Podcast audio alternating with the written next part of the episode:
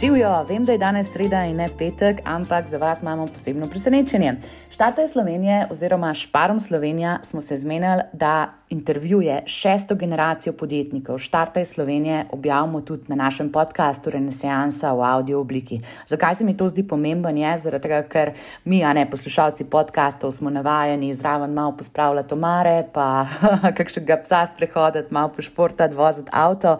In jaz sem tako navdušena, da vam lahko to ponudimo tudi v audio obliki, zaradi tega, ker njihove zgodbe, ovire, ki so jih mogli premustiti na svoji poti, marketinški nasveti in sam ideja, kako so podjetni, inovativni, je definitivno nekaj tazga, ki smo veseli, da imamo lahko v podkastu. Tako da hvala za čudovito sodelovanje. Vi pa brez skrbi, jesen boste dobivali dvojno dozo epizod, v sredo tele od Štarte Slovenije, v petek pa naše siceršne. Tako da veliko se bomo naučili, dobro se bomo imeli. Pozdravčki, čau!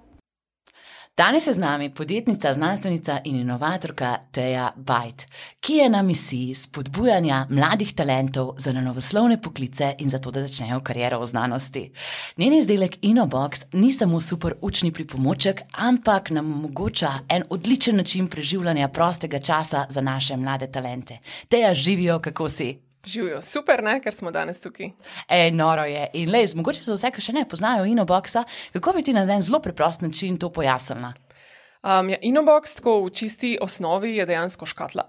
Uh, v kateri so materijali za izvajanje naravoslovnih poskusov doma.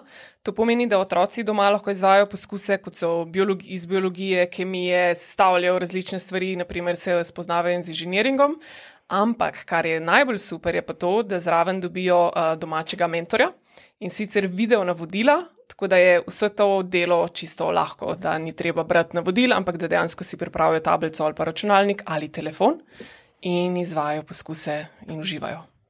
Ej, to mi je bilo fulo všeč, zato ker sem zadnjič gledala tvoje predstavitvene videe, da je to doživetje, da to ni pač škatla, ampak da je to način, kako v življenju nekaj ustvariš. In to je tako pomembno na tej tvoji misiji spodbujanja za naravoslovne poklice, zaradi tega, ker pač vsi si lahko preberemo, kaj dela znanstvenik, kemik, fizik, karkoli že, ampak čez drugo pa je, kaj to narediš s svojimi rokami. Dej, a nam poveš malo svojo zgodbo, zakaj je ta misija naravoslovnih poklicev tako pomembna? Ja, meni je predvsem pomembno to, ker mi smo pač preden smo lansirali um, dejansko Inobox, smo uh, izvajali krožke naravoslovne uh, z imenom Ali Radovednež. In takrat smo ugotovili, da doskrat, ko smo predstavljali različne tematike, so otroci rekli: Ja, jaz bom pa ne vem, pilot, pa bom končal osnovno šolo, pa bom kar uh, letalo vozil. In popriješ do tega, super otrok, odlično, da imaš pač neki želje, sem tako ne bo šlo. In potem pridemo do tega, da je treba otrokom razložiti, če ti želiš v življenju nekaj početi, nekaj specifičnega, kar si gotovo, da je tebi tisto, wow, jaz bi pa to celo življenje počel moraš tudi razložiti, kako naj do tega pride. In to je tisto, kar smo začeli potem spodbujati, da smo otrokom ne samo predstavljali znanost, kako se kaj počne um, in različne tematike, ampak tudi to, kakšni poklici obstajajo. In to je tudi tista dodana vrednost, ki si jo želimo um, širiti med, med otroke. Mm, marketing poklicev, tega ful manjka. Zaradi tega, ker če greš prišel v osnovno šolo, kot si rekla, pa ti si rekla še pilota. Ne? Jaz slišim, ker sem bila tam v osnovni šoli, jaz bom influencer, oh, jaz bom okay. manekenka ali pa vzgojiteljica in ne vem, pa še enega tipa, ki uh, jaz po noči gram igrce in pijem energijske pijače. Tako da ja, te tvoji na krožku so bili očitno že zelo napredni. Je pa ful zanimivo, ker si umenila ta krožek, zaradi tega, ker ti si šla v bistvu iz storitve v produktizacijo. Se pravi, kako je potekala ta tranzicija od tega, da je bil krožek in do zdaj, ki je to škatla oziroma doživetje? Ja, treba je bilo dobro premisliti, kako bomo zdaj to ta delivery naredili. Se pravi, da bomo dejansko iz tega, da so naše mentorice hodile po terenu in poskrbele za vsakega otroka posebej, je bilo to isto doživetje zdaj potrebno dejansko zapakirati v škatlo, posneti video navodila in vedeti, da morajo biti narejena na način, da bo vsakemu otroku v Sloveniji razumljivo, kaj je treba narediti in kaj bo potem nastalo. Tako da, ja, definitivno v tem pogledu nam pomagala, so nam pomagale vse te izkušnje, da smo sploh lahko do tega produkta zdaj uh, prišli. Tako da brez tega, odkrito povedano, um, jaz ne vem, kako bi lahko nekdo nek tak produkt izvedel brez nekih. Osnov, kot jih imamo mi, ko veš, kaj otroku všeč, ko veš, kaj ne bo šlo, ko veš, kje bodo težave. In to je tisto. Črpamo iz štirih let izkušenj uh, vodenja krožkov na terenu. Mm, zanimivo. A si mogoče kdaj razmišljala tudi o skalabilnosti storitve? Se pravi, da storitva, pač, kako bi ti lahko šla vem, na 100 osnovnih šol, ne, da bi najela 100 mentorjev in pač to je kar oren operacija za voditi. A si mogoče tudi razmišljala o tem, kakšen je pa vpliv, ki ga ima to vaše sporočilo, spodbujanje za osnovne poklice, pa polnomočenje otrok, da delajo znanstvene stvari. Um, ti je bila tudi mogoče za to zanimiva ideja, da greš v produktizacijo, da več ljudi dosežeš? Ja, um, izziv je nastal. Pač moja ideja je bila, da zasnujemo nek krožek uh, na, lastnih, uh, na svojem lastnem znanju in idejah. Um, ne da pač um, ne vem, to poberemo od nekje, ampak da zasnujemo vse od tiste metodologije, se pravi, kako govoriti z otroci, na kakšen način jim predstaviti cel proces dejansko smo razvili. Um, zato, ker jaz sem predtem delala v svetu znanosti in sem želela narediti neko preslikavo teh postopkov, teh načinov razmišljanja, da pač zmeri grebeš naprej, grebeš, iščeš in na koncu seveda najdeš odgovor. Lahko ne boš z njim zadovoljen, ker ne bo tisto, kar ti misliš, ampak to je tudi ok, to je super, ker si se nekaj naučil. In, um, Na začetku je bila ideja, ko smo imeli pač storitev, da bomo šli v franšizni model. Se pravi, da razvijamo neki model, ene, tri, štiri leta vodimo to zadevo na način, da imamo pripravljene vse programe in vse, in da potem dejansko prodajemo franšizo in se na tak način širimo po celotni Evropi. Potem je prišla pa korona in oh. stvari so se močno spremenile za vse. Ne? Pa hvala Bogu, da ste imeli že rezervni plan, kaj. A ste ga um, imeli, a ste ga naredili? Pol pol. Okay. Um, dejansko je bilo tako, da jaz to idejo o tem, da ne bi imeli samo krožke, um, sem gojila v glavi že ene dve leti predtem, mm -hmm. da bi dejansko naredili to škatlo, ker takrat nisem imela pojma, kako bi se imenovala, um, in da bi z njo lahko še hitreje in še širše šli. Ker vseeno, če imaš ti neke mentorje, ki jih moraš usposabljati znova in znova, to ni neko znanje, ki ga nekdo že ima. Nažalost je tako, da vsaka mentorica ali pa mentor, ki je prvi začel delati, ga je bilo treba prvo nekako izšolati dobesedno. Pa je lahko bil to pedagog, se pravi, nek učitelj. Samo ta metodologija in način vodenja in razmišljanja je popolnoma drugačen, kot recimo učijo um, v šolskem sistemu. Tako da ideja o inoboxu je že prej živela in um, nisem vedela, kako točno naj to speljem. Tako da iz tega vidika včasih neka brca urit je zelo taka dobrodošla zadeva, da, da te spravi, da začneš aktivno razmišljati o tem in, in spraviš do take mere, kot smo zdaj in še naprej. A je lepo povedano, zato ker v vsaki taki, bom rekel, krizni situaciji lahko pač imaš beg, a pa da pač tako enostavno se ne da nič. Ja, tako da to mi je fulušeč, da ste šli aktivno v to in da niste zdaj čakali, kdaj se bojo pač osnovne šole spet odprle, kdaj bomo lahko nadaljevali z aktivnostjo, ampak da ste zagrabali na polno in uverali naprej. In evo, zdaj po parih mesecih, po zelo kratkem obdobju je storitev postala produkt in prišla na police od Interšpara. In to pa je spet ena tako fulj zanimiva točka, o kateri se lahko pogovarjava. Kako pa je ta tranzicija potekala? Je to je bilo zelo zanimivo, ker takrat smo pač iskali možnost, kako bi mi ta naš. Našo idejo razširili, ne samo preko tega, da smo prodajali pač online, um, ker pač vemo, da niso vsi vešči tega kupovanja na spletu. In kar dosti ljudi nam je rekel, da ja, Um, če bi pa imeli vi, naprimer, um, vašo škatlo na neki policiji v neki trgovini, bi pa jaz verjetno se odločil za to. Zdaj pa, ker ste sam na spletu, pa pač nekako nimam zaupanja, ne vem, nisem vešč uporabe kreditnih kartic, ne vem, ne zaupamo pač tem, tem kanalom. Ne? Smo v Sloveniji, se mi zdi, včasih še malo, bi lahko bili bolj pogumni glede tega. No? Um, Tako da potem smo razmišljali, kaj in kako, in uh, pač mi smo inkubirano podjetje v, v pri tehnološkem parku na Primorskem. In takrat je pač naš eh, startup uh, koordinator nas poklical in rekel, kaj pa če bi ne, se prijavili v Štartaj Slovenija, ker se mi zdi, da bi bilo to za vas res neka huda odskočna deska. In dejansko tam je šla pot samo naprej, um, da smo, prvo sem ga odbila, no to moram poudariti. Mitijo si odbila, kako pa je možno miti reči ne? Uh, pač poslušaš do konca, ko povem, potem gladko rečeš ne. Redo si bom zapomnila, zakaj si ga odbila. Um, predvsem iz tistega uh, strahu. Ampak ne, ne strahu v smislu, da imamo srb produkt ali karkoli, ampak strahu pred tem javnim nastopanjem, ko ti mm. povedo, da toliko in toliko tisoč ljudi to spremlja, um, da si na vseh družbenih medijih, da si dejansko v času projekta čisto povsod. In me tako gladko zagrabila čista panika. Um, in, in ta občutek, da bi zdaj se javno izpostavljal, je bil nekako premočen in je prevladal. Um, imam pa srečo, da imamo pač podjetniške mentore, ki so me tako potem malo izprašali um, in me pač ja, postavili pred, pred pač na realna tla, da lej, ta strah ni realen. Ja. Um, in pač, če želiš ti nekaj postaviti na trg, spoh pa nekaj tako inovativnega, kar bo dejansko spremenjalo življenje marsikaterega otroka, go for it. Mislim, ne To je to. moreš zdaj reči. ne. To je to, ej, kako to. Se pravi, kaj pa mogoče so bile kakšne take glavne spremembe od tega, ko ste imeli to spletno prodajo, pa tega, ko ste šli v trgovine dejansko v fizično prodajo? Kje so bile te stvari, ki si se jih ti na novo mogla naučiti? Ja, prva je to, kako zasnovati nov dizajn. Uh, ker če pogledamo naš naročniški zabojček, ki še obstajajo slike na spletu, tudi tega bomo zdaj obnovili, um, smo pač iz tega minimalističnega dizajna prišli na nek hardcore, inovativen dizajn, ki res, ko se mi zdi, res, res izstopa. Um, in to je bila pač prva lekcija. Se pravi, kako narediti škatlo, oziroma dizajn v bistvu, ne škatlo, škatla pač je kot škatla, ne, ampak kako pokazati istočasno, da je to nekaj um, resnega, ampak ful igrivega in ful zabavnega, in kako zdaj to zbasati v pač en, en dizajn. In zato sem zelo hvaležna našim dizajnerjem, ki so za moje pojme rešili preko sebe, res out of the box in naredili naš box. Ne?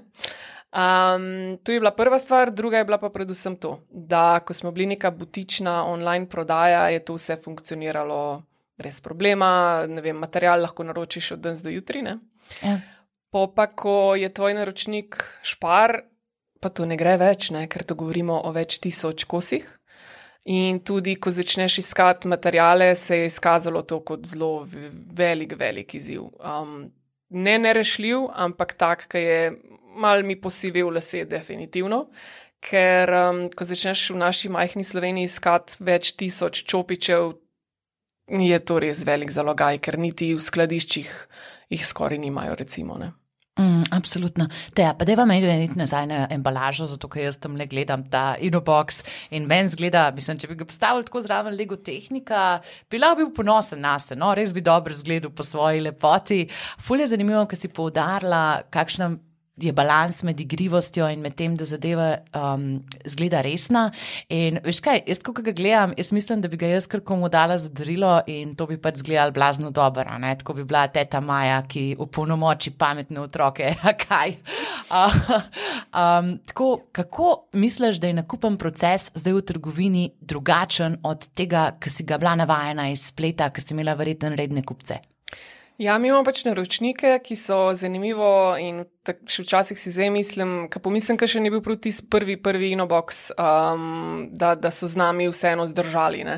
Spravi, imamo naročnike, ki so z nami že več kot leto pa pol. Super. Um, Bravo. in um, ja, nakupni proces je popolnoma drugačen. Zato, ker na spletu smo bolj mogoče drugače usmerjeni, pač več preberemo, več si pogledamo, več videov pogledamo in se pač dejansko nekmu produktu izobrazimo, kljub temu, da mogoče naša škatla kot naročniška niti ni izgledala neki prav fancy, bom tako rekla. Ne. Um, Medtem ko kar nakupni proces, razumljivo, v neki vele prodaji na policiji kupujejo oči. In to je tisto, ko ti greš mimo police, te more to pritegniti. Um, in predvsem otrok se mora pač najti na tem, da pač vidi, da, da je igrivo, da je zabavno in to je to. Se pravi, mogli smo ja, dejansko prešaltati um, iz tega mindseta nekega online uh, kupo, pač prodaje do, do se naučiti zdaj še drugačne vrste. Ja. Ej, ful zanimivo. Pa ene kode tudi vidim tam na embalaži, a ne, ki jih verjetno na spletu ni treba dati gor, v fizičnih trgovinah je pa to zelo, zelo, zelo pomembno. Da je mogoče samo zaradi tega, ker je to, sej vem, da to ni vsem najbolj seksi tema na svetu, ampak je pa zelo pomembna. Kje ste se pa naučili potem v tem logističnem delu embaliranja, kako morajo biti označbe prav? Ja, to je kar um, stoje vrsten izziv, moram reči, in uh, nam je kar neki živcev tudi ta, ta del požaril. Um, predvsem zaradi tega, ker se s tem pač srečaš prvič. ne. Um, ja, online tega ne rabiš, za vele prodaja pa razumljivo. Vse logistične poti so označene s takimi in drugačnimi kodami, ker če si predstavljate, da v nek logistični center verjetno pride več deset tisoč kosov nekih izdelkov na dan, ne morejo tam tega ročno pregledovati. Ne. In um, ja, imeli smo kar zanimivo izkušnjo, da uh, ugotoviš, da štejejo milimetri. Tako da um, zelo pomembne so, so robovi, zelo pomembno je, kam je pač to postavljeno. Tako da smo imeli kar en lep izziv, da smo mogli skoraj celotno količino, ki smo jo poslali prvič v špar, prelepiti z nalepkami na novo. Um, zaradi tega, ker smo imeli za 2 mm premajhen rob okoli, okoli pač črtne kode, kar je pomenilo, da skeneri v trgovinah tega ne bi prebrali. Ne. Um, tako da ja, tistemu, ki se lotuje tega, res, res polagam na srce, da se tega dobro loti vnaprej. Verjetno nam je špar tudi malo pomagal s tem. In to sem fulh hvaležna, ker špar nam je dejansko zagotovil izobraževanje na to temo. Super. Ampak nažalost, prije tega, kar smo tudi potem se šparom in ostalimi odleženci pogovarjali, da mogoče gre skozi eno uho noč, skozi drugo ven, včasih ne, pri toliko informacijah in tako, ker se pač še sam moraš naučiti. Ne? ne, ampak to je isto, veš, kot večina podjetnikov pa računovodstva. Jaz tudi sam pač pošelj mi tisto, da poklikam v miže in bom plačala. pač tako, mislim, redko komu je to res taka strast, fulj pa hvala, da si povedala, da si poudarila, kako je to pomembna stvar in da je ne smemo zanemarjati. Ja, definitivno, ker um, predstavljati si, da bi mogla blagajničarka na blagajni vsak artikel ročno odrupisati. Um, te vrste bi bile, po moje, čez cel interšpar bi se vile, če bi želeli na tak način funkcionirati. Tako da ne, definitivno je to del posla, dobesedno. dobesedno. Mm. No, zdaj gremo pa iz posla na misijo. Se pravi, Poznam eno zelo zanimivo anegdoto o tebi, kako si se ti odločila, kjer otročki bojo na slikah, da pač ti si izjemna podpornica žensk v znanosti in pač ne dovoljuješ, da bi se samo fantke na promocijskem materialu prikazovali. In pač jaz si predstavljam, da svet, v katerem živimo, ki ima še vedno police z igračami za dečke in deklice segregirane, mislim recimo temu, da je veliko prostora za izboljšave in si prihraniva težje besede. Um, kako pa gledaš na to stvar? Stvar, kako Inobox opolnomoči, bomo rekli, atipično populacijo, oziroma da ni to sam za, bomo rekli, mlade, ki jih zanima znanost, ampak da je širši produkt. Ja, um, Inobox ni samo za neke tiste otroke, ki že vedo, da jih naravoslovje zanima. Namenjen je pač vsem. Um, se pravi, tudi tistim otrokom, ki mogoče sploh ne vedo, da jim je to zanimivo in to je pač cilj. Cilj je, da otroku nekaj predstaviš, mu pokažeš skozi igro. Bravo. In to je tisto, kar v Sloveniji se mi zdi, da zanemarjamo, zato ker na začetku, ko smo imeli krožek, so nas doskrat nekako očitali. Um, ja, da se mi se pa na krožku samo igramo. Ja, ampak ste kdaj pomislili na to, da je igra otroku normalna, naravna?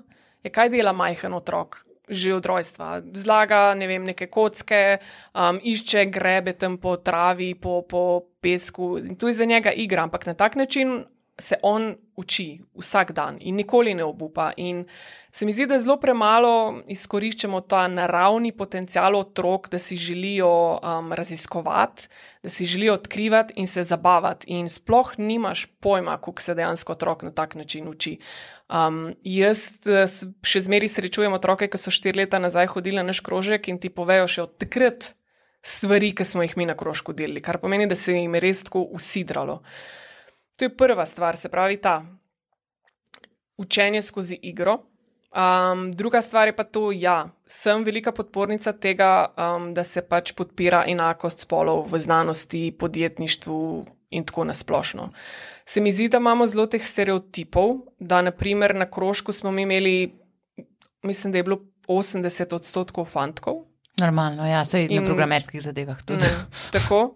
In se mi zdi, da je bilo zelo zanimivo, ko si govoril s kakšnimi punčkami, zakaj se pa ne odločijo, ja, ker to je za fante. Mhm. Ampak zakaj? V znanosti, ko greš ti delati dela doktorat, vidiš polno žensk. Pa v laboratorijih sploh, ja. Zelo veliko. In potem logično, ker imaš družino in tako se te zadeve spremenijo. Ampak ravno zaradi tega se mi zdi zelo pomembno, da se punce tudi nekako spodbuja k temu, da ja, inženiring je šraufanje, super, ampak je tudi za punce. Ali pa kemija je tudi za punce. Um, pač med tako, kot ne, biologija pa pravijo, je pa za ženski poklic, ne, ja, ampak tudi biologija je za fante. Tako da je tako neka segregacija, se mi zdi, um, ki bi jo bilo treba v prihodnih letih kar kar dosti delati na njej, no, če želimo imeti neke. Hude naravoslovne kadre tudi v Sloveniji. Absolutno, pa pač enostavno, če želimo, da imajo ljudje lepo življenje, ki ga naravoslovni poklici praviloma omogočajo, ja. pač gre za boljše plačane poklice, ponavadi gre za deficitne poklice. Veš, kaj mi je bilo pa pri tebi tako najbolj všeč, to pa mislim, da je genialno. Pa mi sam povej, če si to za nalašč naredila ali ne. Pač tako, naprimer, od teh treh izdelkov, ki jih imaš zdaj v interšparih, prva stvar je risalni robotek, potem je ta čudežna steklenička, pole pa obesek. In jaz, če bi bila mala, jaz bi si zihar obesek izbrala, veš, kaj je tako bolj moden. ja, itek.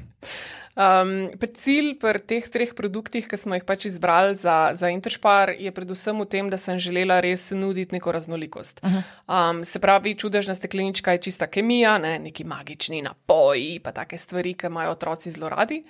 Um, risalni robotek je žur zase, zato ker ga pač prvo sestaviš in poti pleše tam po mizi. Um, keramični obesek je pa v bistvu nekako neko ustvarjanje, se pravi, um, da, da ne delaš čisto po navodilih, ampak da narediš res neki sam. Uh, in na koncu tisto še pobarvaš in lahko seveda nosiš okrog, si daš na šolsko torbo, na ključe, kamorkoli. Ne. Tako da je bila ta, ta ideja, ta želja, da res ponudimo otrokom čim širše neke um, tematike. Uh, Tako da ravno iz tega pač upam, da ko bodo pač šli v špar oziroma interšpar po eni nobox, da se bodo vrnili še po vsaj enega ali pa celo kar oba preostala. Ej, super. Pa se bomo potem v produktnem razvoju še malo kasneje pogovarjali, ampak še prej bi pa rada s tabo obdelala eno fuz zanimivo temo izobraževanja trga. Se pravi, v tujini imaš že več teh inicijativ za spodbujanje mladih, da grejo v znanstvene pa naravoslovne poklice. V Sloveniji je pa to vse zelo radikalna novost. In kot sem jaz prej rekla, tako prva asociacija, ki vidim to škatlo, mi je bil Lego tehnik. Nekaj tazga, ki se bom matrala, ampak bom pol ful vesela, da bom imela. Besedno, ja. um, tako da, ja, ful me zanima, na kakšen način si se pa ti lotila izobraževanja trga. Ja, mi smo morali ravno to zdaj veliko vložiti v to da izobražujemo naše stranke oziroma pač splošno populacijo o tem, zakaj je Inobox dober.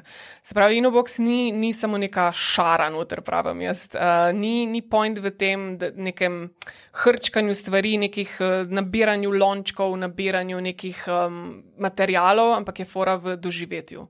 Um, se pravi, da, da razumejo ljudje, da ni bistvo tega, da ti doma preneseš neko ogromno zadevo in jo bo otrok dva tedna imel in potem po, nikoli več pogledal, ampak je bolj cilj tega, da otrok to uporabi in neki doživi. Se pravi, da odkrije um, nekaj novega, da vidi, kaj je sposoben, da, da ker lahko sledi tem video navodilom, ki so v slovenskem jeziku, da mu ni to frustracija, ampak mu je to zabava, izziv, um, nekaj novega. Meni je bilo zanimivo izkušnja, recimo na krožku, kar zdaj poskušamo prenesti um, na Inobox, je to, da so nas. Recimo, mi je enkrat ena punčka na krožku rekla: Joj, veš, te krožek je pa full težek. In meni je tako panika svetovna, o, preveč hudo je, poskuse dajemo otroko, otroci ne bodo več hodili in pa ona tako meni. Ne, ne, ne, vse je v redu. Jaz, meni je sem tako zelo težko, ampak potem, ko te izzive rešim, sem pa full vesela in grem z veseljem domov, ker mi je uspelo. In takrat mi je tako dalo misel, ta mala punčka, peti razred, mi je res odprla pogled na to, da otroku moraš dati izziv in mu dovoliti, da pokaže, česa je zmožen. In res ugotoviš, kako otroci so zmožni, in mi pač mislimo, da pač ja, niso, in mu ne dovoliš tega, mu ne dovoliš unga. Dej mu in ti bo pokazal nov svet, dobesedno. Se pravi, to od otrok naredi sam, ni tisto, da bi mogel starši to delati. Cilj je ravno v tem, otrok mora narediti vse sam. Jaz ne pravim, da mora narediti sam, ampak samostojno. Se mhm. pravi, cilj je tega, tem, cilj inoboxa je ravno v tem, da otrok naredi to samostojno. Se pravi, da Um, materijale ima otrok, ne vem, če govorimo o čudežni steklenički, ima otrok rokavičke gor, pa laboratorijska očalca, če govorimo o resalnem robotku, mora otrok šraufati, keramični obesek pa tudi mora otrok delati. Starš ne bi bil zraven, oziroma neka odrasla oseba, nona, nono, kdorkoli z njim pač to ustvarja, um, ne bi bil zraven samo zaradi varnosti, ker še vedno so pač tu neke stvari, ne vem, rosalni robotek um, ima uh, elektromotorček, um, čudežna ja. steklenička ima določene kemikalije, ki so varne. Um, ker moramo delati po pravilniku za kemijske sete, ki točno narekuje, kaj lahko damo noter, koliko gramov, in tako naprej. Um, ampak še zmeraj ja, ne bi bil prisoten odrasel, tudi v primeru, da otrok rabi kakšno manjšo pomoč. Ne, pa se je takšen lep način preživljanja ja. skupnega časa, pa tudi za odrasle si jaz predstavljam, da tole zdaj biti kar izziv me, bi definitivno bil. Um, um, starši pravijo včasih, da se zraven otrok marsikaj naučijo. Verjamem. Verjamem. Tako da, lej, mogoče bomo mi do posnemanja enega skupaj za šraufale, pa me bo šlahti nadzorvala, kako dobro mi gre. Uh, vse me pa tako zanima, veš, rekli smo, da je izobraževanje trga velik izziv. Uh, se pravi, verjetno formirate poleg teh videov, ki jih imate za predstavitve, tudi kakšne videe z otročki, ki jim je uspelo, zato ker si prej zelo lepo postavljal zgodbo, kako je otrok heroj, a ne uh -huh, kako ima uh -huh. on to transformacijo iz sestavin do končnega izdelka in tiste smeh na obrazu. Um, ko, Kje so mediji, a pa formati, s katerimi delate to izobraževanje trga? Imate kakšne partnerstve prek družbenih omrežij, kako imaš to nastavljeno? Ja, baziramo predvsem na družbenih omrežjih, zato ker preko raziskav, kaj so naši najboljši kanali, smo pač prišli do tega, da, da pač so vem, Facebook in Instagram recimo najbolj neki kanali, kjer, kjer so pač naše stranke, ki jih lahko primarno izobrazimo o tem.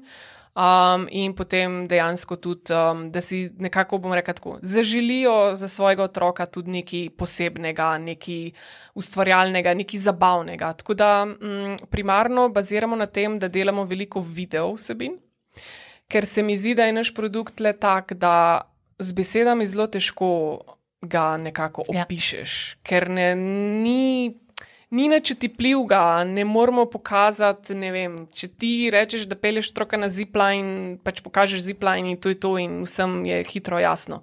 Tukaj pa to doživetje povezano s celotnim procesom, se pravi, od tizga, wow, odpreš katlo, um, do tega, kaj je noter, ker pač so stvari noter, ki jih je recimo zelo težko dobiti na prostem trgu kot take. Ne? In tako da to je tisto, kar poskušamo izobraziti stranke preko video vsebin. Uh, zdaj moram reči, da sem se lotila nekih svojih uh, videov. Sem videla, bravo, čestitam. A si na TikToku tudi že te? Ja? Ne, čakaj malo. Boš drug mesec. Deset teden. Kaj? Deset teden. ok, v redu, bomo to poslile. Ne, sem videla na Facebooku in na Insti, da ful lepo snemaš sebe, ne, kako razlagaš. Se, se trudim, zato ker se mi zdi, ravno to mi je zdaj dalo zadnje tedne zelo misliti, ker se je začel pač projekt Štartaj Slovenija, da um, rabimo to razložiti, da rabimo skomunicirati. Um, in najboljši način je to, se mi zdi, tak, da ti nekdo pove.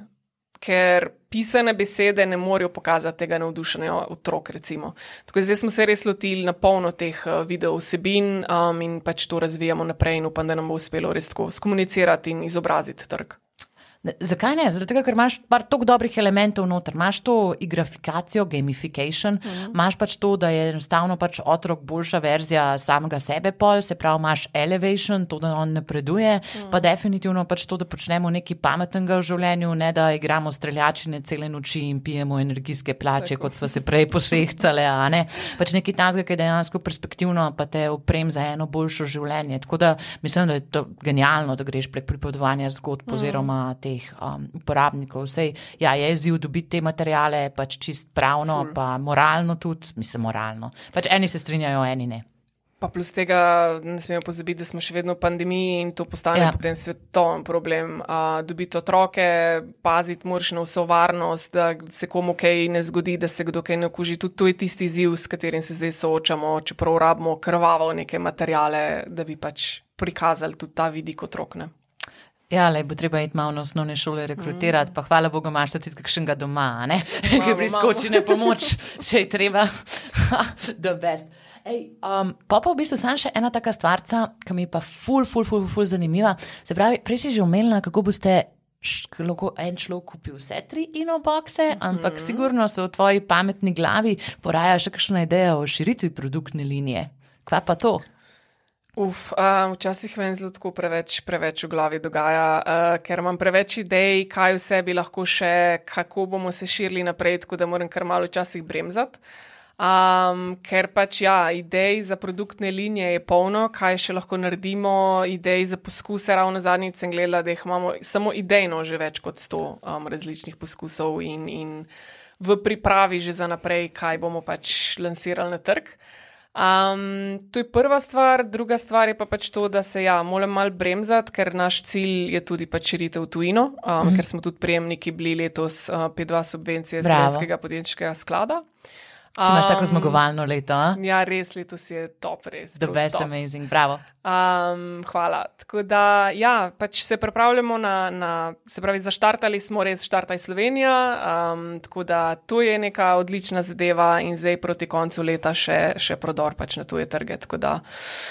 Bo kar pestro. Ja, ne bo ti dolg čas. ne. Pa še neki sezona daril prihaja, mm -hmm. in pa se veš, teta Maja, pa to, kaj bi kupil, pa sploh fantkom, kaj je ful težko kupovati fantkom. Ja, se valjda punčkam, pač tudi nočeš najbolj stereotipnih igrač na svetu kupovati, pač tako se hočeš malo bolj potruditi, ampak za fantke pa meni ne mogoče darila kupovati. Uh, definitivno. Jaz imam pač uh, sina, sicer je dve leti in pol star, ampak še vedno mu pač logično vsi dobri možje mrske prenesejo.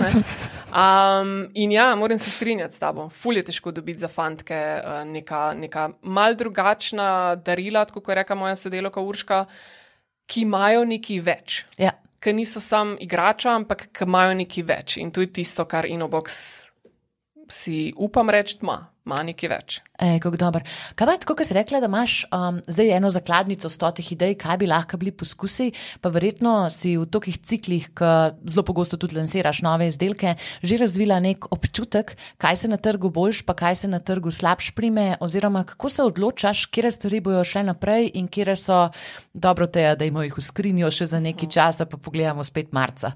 um, ja, finta je ravno v tem, kar, kar sem pol šele kasneje pogruntala črtala ne, v tem letu, pa pol, ker enostavno se ti tukaj dogaja, da niti ne. Ne, ne reflektiraš, ne imaš časa tem. Ne, enostavno. In po eni delavnici je pač en predavatelj se pogovarjal z mano in je čist dol stola padel, ker sem rekel, da vsak mesec nove tri poskuse lansiramo. In je pač takrat sem ugotovila, da imamo možnost nekega hitrega prototipiranja, ki je full, full redek. Um, tako da, ja, kako to delamo? Delamo po občutku in črpamo iz tega, katere poskuse damo naprej na trg, predvsem iz tega, kar smo videli na krožkih. Spravi, kar smo vedeli, da otroci imajo radi. Um, včasih je tudi zanimivo to, da smo se na krožki naučili, ker je bilo meni nek top poskus, zakon, to bo ful dobro, le jim otrokom ful ni bilo všeč. Je bilo protko in. Če je kdo tisti, ki ti pove v glavo, so to otroci. Otroci ne lažejo. Ja. Ne, ne. In to je neka najbolj zadeva, neka najboljša raziskava trga, kar jo lahko narediš za nek tak produkt, kot ti otrok pride po koncu in reče: To je pa čist brez veze. In takrat pač ugotoviš, kaj, kje so tisti poskusi, ki jih zdaj lahko rečemo, ti ne bodo šli, ti bodo šli.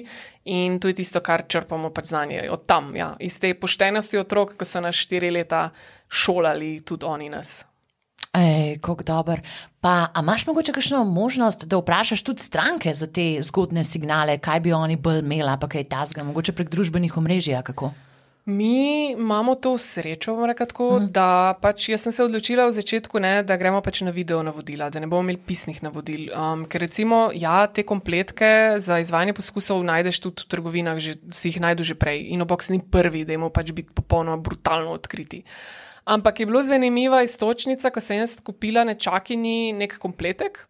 In je bilo tako, um, materijala noter je bilo za izvesti trikrat to zadevščino, enkrat jo je nečakinja uh, popridem jaz, naredim jaz, in poprije še moj mož, in na koncu ugotovimo, da je vsak izbral nek svoj način. In pogotoviš, da pisna navodila so full problem, in smo šli na video navodila. In to nam omogoča, da zaradi tega, ker imamo video navodila, se stranke upišajo v naš učni center, se pravi, si ustvarijo svoj profil. Um, in zato imamo mi možnost z njimi komunicirati. In to je tisto, kar nam omogoča tudi, se mi zdi, hiter napredek, ker imamo možnost vedno se obrniti na naše zlate stranke, um, na naše naročnike in jih dejansko povprašati, a nam poveste, kater poskus, ne vem, v zadnjem času vam je bilo všeč, kaj dodamo. Pač ti early adopteri naši so se izkazali za naše najboljše orožje pri učenju, um, kako napredovati, kaj dodati. In, in ta stalen stik z našimi strankami se mi zdi, da je ključen. Se pravi, da veš potem, kako nadaljevati naprej. Ja, zdaj pa prihajajo tudi nove stranke, dobri možje. Mm. Tako, tako da to pa mogoče treba kakšen Instagram story narediti ali bi imel ABC. Tako je, ja, govori pa še niso v bazi. Ja? A, ravno to zdaj sem študirala, da moramo narediti uh, en story na Instagramu, pripravljamo pš, nekaj posebnega za konec leta. Nice. Um, in zdaj se ne moramo odločiti o imenu. Prav, to, to je idealno, idealno, da vprašaš. To ti bomo z veseljem pomagali, jaz ti bom. super, super.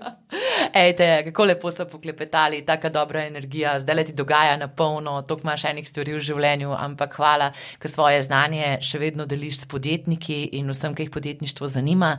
Zdaj pa čisto za konec, um, če bi nam lahko mogoče dala še kakšen tvoj nasvet, tvoje sporočilo za vse podjetnike, ki se morda želijo prijaviti na štarte Slovenijo mm -hmm. ali pa še za tiste v prejšnji fazi, ki sploh o podjetništvu razmišljajo. Teja, kaj je tvoje sporočilo?